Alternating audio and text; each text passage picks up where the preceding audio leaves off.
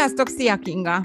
Sziasztok! A mai adás címe a rossz gyerek. Definiálnád nekem, mit jelenthet az, hogy rossz gyerek? Van egyáltalán olyan, hogy rossz gyerek? A szülők szemében van olyan, hogy rossz gyerek.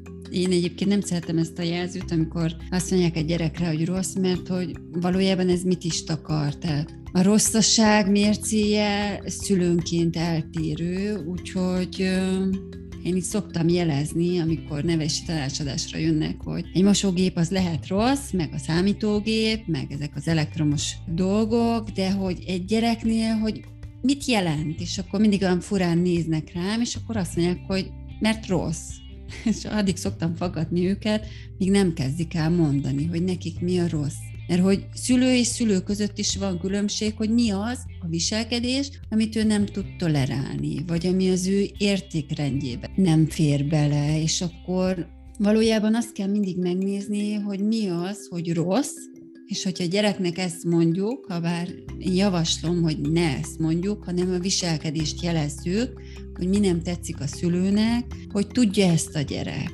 Tehát tulajdonképpen akkor az, amikor a szülő azt határozza meg, hogy rossz, akkor az ő benne élő minták alapján definiálja ezt a rosszat. Uh-huh. Meg az ő saját értékrendje alapján. És van, akinek uh-huh. rossz az, ha a gyerek az, étkez, az előszobába hagyja a cipőjét, folyton, van, akinek meg az a rossz, ha rendszeresen megcsapkodja a társait az iskolába. Mi nyilván nem oké, okay, tehát az inkább a rosszhoz van. És mit gondolsz arról, én mindig úgy érzem, hogy amikor valami komolyabb probléma van a gyerekkel, akkor az általában azért visszavezethető az otthoni helyzetre. Ez pontosan így van, és akkor mondanék is egy példát. Ez egy óvodai példa, óvónők panaszkodtak az egyik kisgyerekre, hogy minden déli alvás előtt a gyerek fogja a párnáját, és így megy körbe, és elkezdi csapkodni a gyerekeket.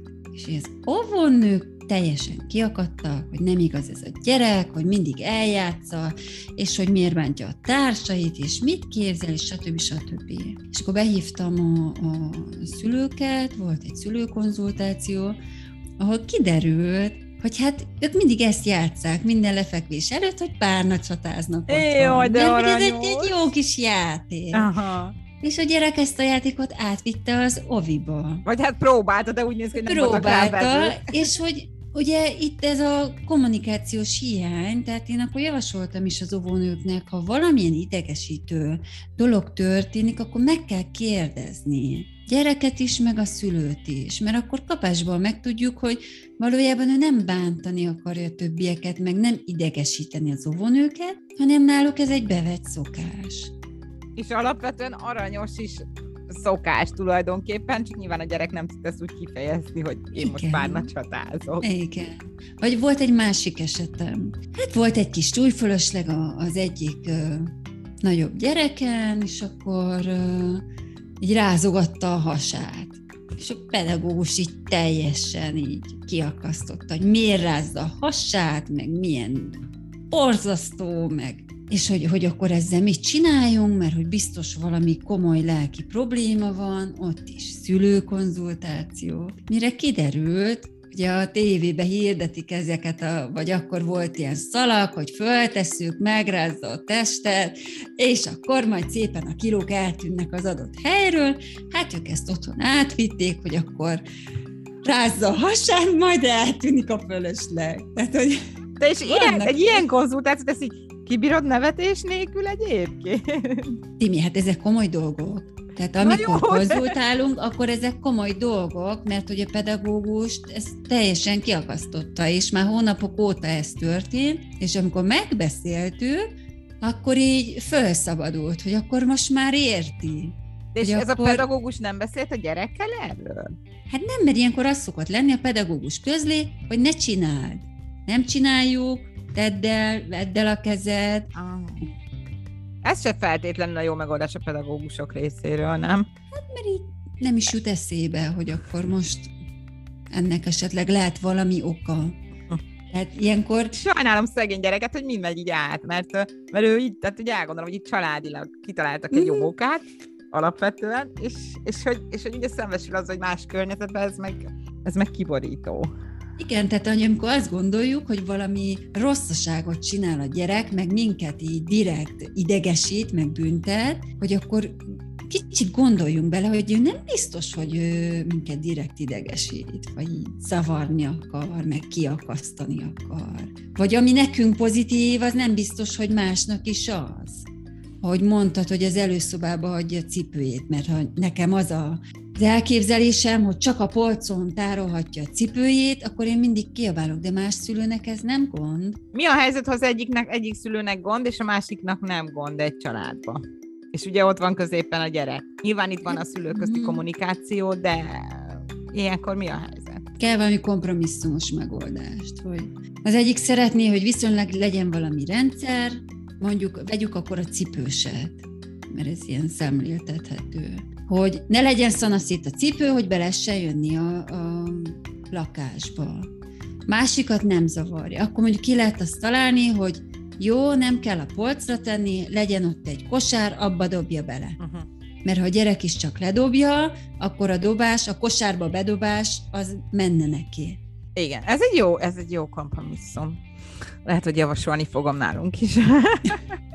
Nálunk pont ez a helyzet van, az egyiket zavarja, a másikat nem. Vagy például figyelj, nem tudom, hogy milyen az előszoba, esetleg átrendezni, mert van, hogy ilyen apróságokon múlik, hogy mondjuk, ha másik oldalon lenne az a szekrény, akkor oda tenni. Mert hogy lehet, hogy csak nem esik kézre, vagy... Uh-huh. Az előbb említetted, hogy nem direkt idegesít minket ez a gyerek. Van olyan, amikor a gyerek, az a direkt szó nem tudom, de hogy tényleg okkal csinál valami, idézőjelbe teszem, rosszat, vagy húzza az idegeinket, vagy... Van ilyen, igen, serdülőknél Ka- kamaszkor különösen, ugye? Igen, mert hogy úgy érzik, hogy bántja őket a szülő, és ők nagyon jól tudják, hogy mivel lehet idegesíteni a szülőt. Tehát, hogy nem azt mondják, hogy ne szekáljál már engem folyamatosan, mert hiába mondja a szülőnek, akkor is csak a saját fejében lévő minták alapján mondja vagy csinálja azt a szülő, amit akar, és akkor a serdülő kitalálja, hogy mivel idegesítheti a szülőt, és akkor azt mondja neki. Hát, Tehát indirekt módon jelzi, hogy valami, valami nem, nem jó közöttük. És akkor végül is, tehát hogyha mondjuk egy, a gyerekemről azt tudom mondani, hogy rettenetesen idegesít, akkor nagy valószínűséggel az azért történik, mert ő is azt érzi, hogy én baromira idegesítő vagyok. Uh-huh. Mondjuk ebből lehet hát, az a párbeszéd, hogy idegesítő vagy. Te is. jó. Nekünk volt ilyen. De tudod, amikor így elkezdi, tehát a, azért a kamaszok szokták jelezni, és akkor a szülő lezár, hogy de ez így lesz és kész. És hogyha sokszor ez van, akkor már egy idő után nem mondja a kamasz, hanem kikerüli ezt a szituációt, és akkor idegesít téged. Vagy hát... hogy miért nem vagy megértő velem, vagy elnéző, vagy miért nem fogadod el, hogy ilyen jegyeket is hozok, és akkor azt mondja a szülő, mert akkor nem lesz belőled ember. Igen, ez elég tipikus gondolata a szülőknek. És ráadásul én azt vettem észre, hogy az ismerőseim körében is, hogy a kamaszoknál azért van egy időszak, amikor, amikor romlik a teljesítményük az iskolában, mert nem, mert, mert, mert, mert tavasz van, mert lányok vannak, mert fiúk vannak, mert barátok vannak, mert minden más van. És nem ez... attól lesz jó ember, hogy kitűnő tanuló. Igen. Nem attól fogja sokra vinni. És ez font, fontos, most már én is kezdtem érteni, hogy kiélje magát ott is akkor, amikor ennek itt az ideje. Mármint, hogy kipróbálja azokat a dolgokat, amiket akkor kell kipróbálni, amikor, amikor kamasz. Uh-huh. Tehát a serdülőkornak az a lényege, hogy szembeszálljunk a szülői normákkal. Ami tetszik, azt megtartsuk, először megvizsgáljuk, hogy melyek azok a normák, amik nekem is tetszenek, és meg akarom tartani, és mi az, ami nem tetszik. Nincs rossz kamasz sem. A, nehéz a, kamasz van. hát most kinek mi a nehéz, tudod? Mert ha mondjuk van szülő, akinek a, az, hogy eljár a gyerek bulizni, az teljesen normális, a másiknak meg nem, de ő meg szeretne járni bulizni, akkor az egyiknek nehéz a, a gyerekével, a másiknak meg nem. A harmadik meg nem akar eljárni bulizni. Az a szerencsés szülő, akinek a gyereke nem akar eljárni. Tehát nem a, tudom, a probléma, probléma akkor van, hogyha nagyon komoly italfogyasztás van, drogfogyasztás van, rendőrségi ügyek. Na, ott azért már nagyon el kell gondolkodni. De ott is vissza lehet vezetni akár a családra, Persze, talán a túlzott persze. szigorra, nem? Vagy nem tudom, milyen ilyen egyéb megfelelési kényszer, stb. ilyenekre ezeket a helyzeteken. Össze tudnád foglalni akkor röviden, hogy hogyan is definiáljuk ezt a rossz gyerekrészt, illetve akkor hogyan tudunk magunkban reflektálni arra, hogy nem, nem a gyerek rossz, vagy hogy tudunk ebből a szituációból kilépni, mielőtt felcímkézzük a gyerekünket. Én azt mondanám, hogy, hogy ugye nem rossz a gyerek, hanem neked nem tetszik egy adott viselkedés, és azt kell jelezned a gyerek felé, hogy neked ez nem tetszik, és hogy milyen kompromisszumot tudnátok ti erre hozni. Hogy neked is jó legyen, meg neki is jó legyen. Mert ha folyamatosan csak azt a címkét aggatod rá, hogy rossz vagy gyerekem, ezzel őt minősíted, hogy ő nem jó. De ha a viselkedésre mondod, akkor ott magát a viselkedés minősíted, és nem őt és azon lehet akkor dolgozni, azon tudtok dolgozni. De ha mindig csak mondja, hogy rossz vagy, akkor egy idő után ezt így el is fogadja, és már csak azért is rossz lesz. És ha ebben segítséget kérnek a szülők, akkor bátran Akkor keressenek. szívesen, igen, látunk bárkit. Tehát, hogy a mókuskerékből érdemes kilépni. Köszönöm szépen. Sziasztok! Ja.